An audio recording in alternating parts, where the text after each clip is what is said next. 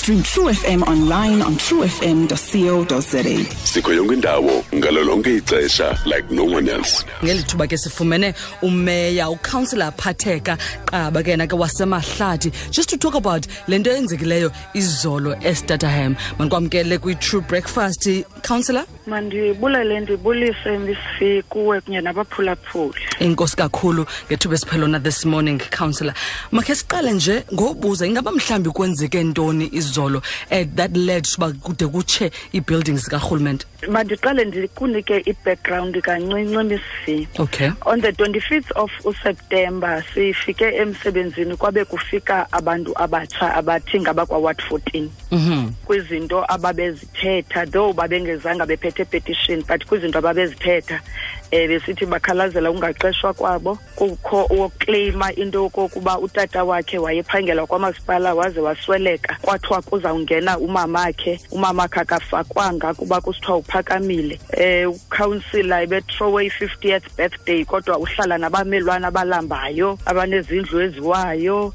Um abamfuni uward councillor abazifuni i-ward committees.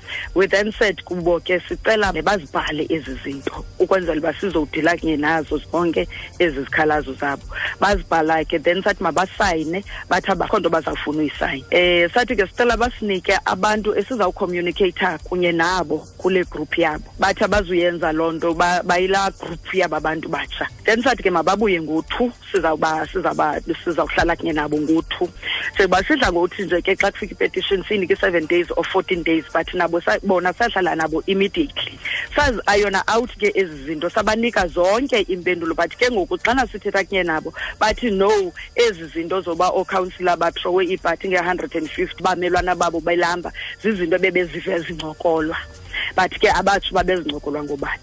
Then izolo ndithe ndikwimithingi ye-audit committee kwaphaya kwamasipala ndafumana icall ebuzayo kum into yoba ndinemithingi esemlungisi commercial park na and, and i said no. Emveni kwexesha ke kwazofika uchief traffic officer ehamba nesecurity ukuba ulutsha luvalile e-commercial park bathe makuvalwe yonke into phaa neevenkile eziphayana kuba balinde uadreswa ngumeya nospika Mm. Eh, now councillor ku- ku- kule background usandondigqiba unike yona from the 25th to izolo. Ingaba mhlawumbi ke ngoku xa uvayo bakhala ngento eyi-one? Ingaba mhlawumbi zezazikhalazo bakhala ngazo izolo? Izolo abasinikanga kwa itshansi yoba sithethe. Okay. Si- sathi sawufumanisa into yoba bakhona balapha phandle. Saphuma nospika ukuba sisiyokuba adressa sifike ke ngoku sekutshiswa amatayari apha egeyithini um safika ke saboleka ke umboko lona bebewuphethe. Ndonele nje ubulisa kubantu abatsha. Babe sebehawula ke bacela uboleka umboko back ndabanika. Omnye watraya ubathulisa into yoba mabathule kaloku because bebecele uzodibana nathi. Kwakho abathi hayi asicelanga uzodibana nabo. Qha sifuna bayosiadresa and abazosiadresela apha. Bazayosiadresela emlungisi. Kuphethwe iinduku ke namatye ngalo lonke elo xesha. Mm, mm. Now sizibonele nee-reports on social media nasezindabeni. Sabona nee-videos kusitsha ii-buildings zikarhulumente ngaphandle kwekliniki zeziphi ezinye because kuthethwe ngezinye.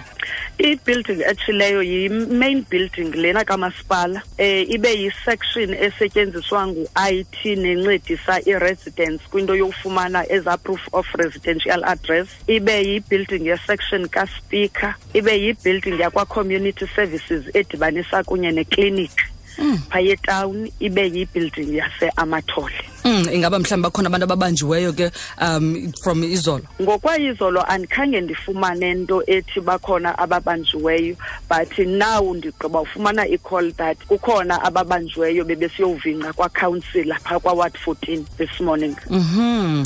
Uh kukho ne- neengxelo ezithi eprotester yeyonzakala ebanye bathi yeyasweleka mhlawumbi ingaba ithini report erayithi kuloyo? Uh, iripoti erayithi kuthiwa yiyo yonzakala ngeli xesha bebe- bebesilwa namapolisa now mamqaba what is the way forward now? Because um kuchili buildings kuyavalelwa ii-councillors emakhayeni azo bayabanjwa abantu kuyonzakala ii-protesters. Ingaba mhlawumbi i-way forward ngokwemahlathi kuzothwala for now uh, uh, andisoze ndithi ithini i-way forward but at 10 o'clock sizawudibana i-management kunye ne-executive committee yakwamasipala. Sizowubona into yokokuba yintoni na esinoyenza and then sitshekishe again the leaders though bengazange bafune ukusinika the, the, ama-leaders zabo esinocommunicata kunye nazo.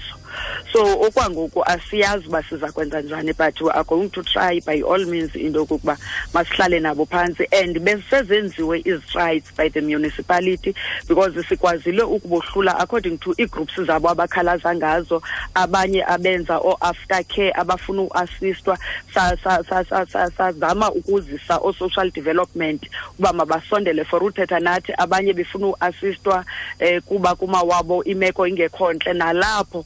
Sathatha izinto zabo sazisa koosasa for into yoba sincediswe khona. Abanye bokwenziswa ii-ids ebebengenazo ii-ids it's not as if khange kubekho nto yenziwayo and even the meetings between usanral ne-institution usanral abakhala ngaye oqesha abantu bewadi eyi-one nalapho zikhona ii-meetings ebesizihleli nosanral mm. uh, mamuqaba before we let you go khasiphe nje amazwi othi qabaqaba nje uthetha nabantu bakho ke basemahlathi and especially ke abantu abatsha aba banomsindo babonakala mhlawumbi ingathi akho nto yenziwayo okanye azivakali izikhalo zabo?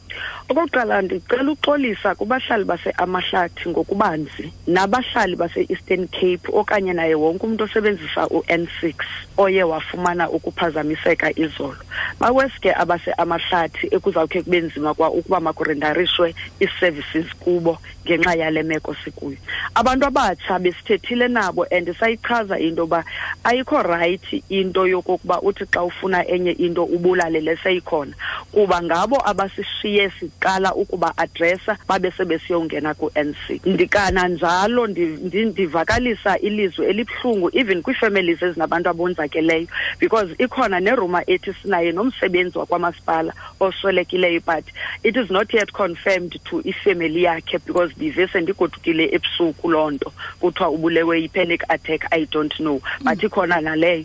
Kodwa ke nalapho sivakalisa ilizwi lovelwano kunjanjoku akumnandanga kuthi sonke. Ingaske izinto zenziwe ngendlela and ingaske even the media xana ikhupha izinto izikhuphe ngendlela ebezithethwe ngayo kungadistothwa i-information in a manner ezawuphinda ibangela uba abantu mababe nemisindo. Because some of the of the things uyawufumanisa into yokokuba zihamba kwezi media kwezi social medias kuba befumana i-information kwimidiya ngendlela engekhoyo. Ingase ke abahlali bamamele xa kuthethwa kunye nabo and the issue ye-public participation sicela bayixabise xana kusiziwa kubo bezofundiswa okanye kuzothethwa nabo ngezinto mabeze and abantu abatsha mababe yipati ingabi ngabantu abadala only abazayo ezimithingini because sinazo nezi-structures ze-youth council ezidila kunye nabantu abatsha esizenzileyo singumasipala mamuqaba masibulele kakhulu ngethuba esiphelo na this morning and we wish you all the best as you move forward ke with igqaba trying to sort out emahlathi mandibulele misi enkosi mm, nkosi kakhulu councillor phatheka qaba ke lowo who's the mayor wasemahlathi ke sichazela nje uba kuzokwenzeka njani konzeka ntoni estatarem since sibonile ke uba kutshile kwatsha ii-buildings kwatsha neekliniki This is a True FM podcast. Find us online on truefm.co.za.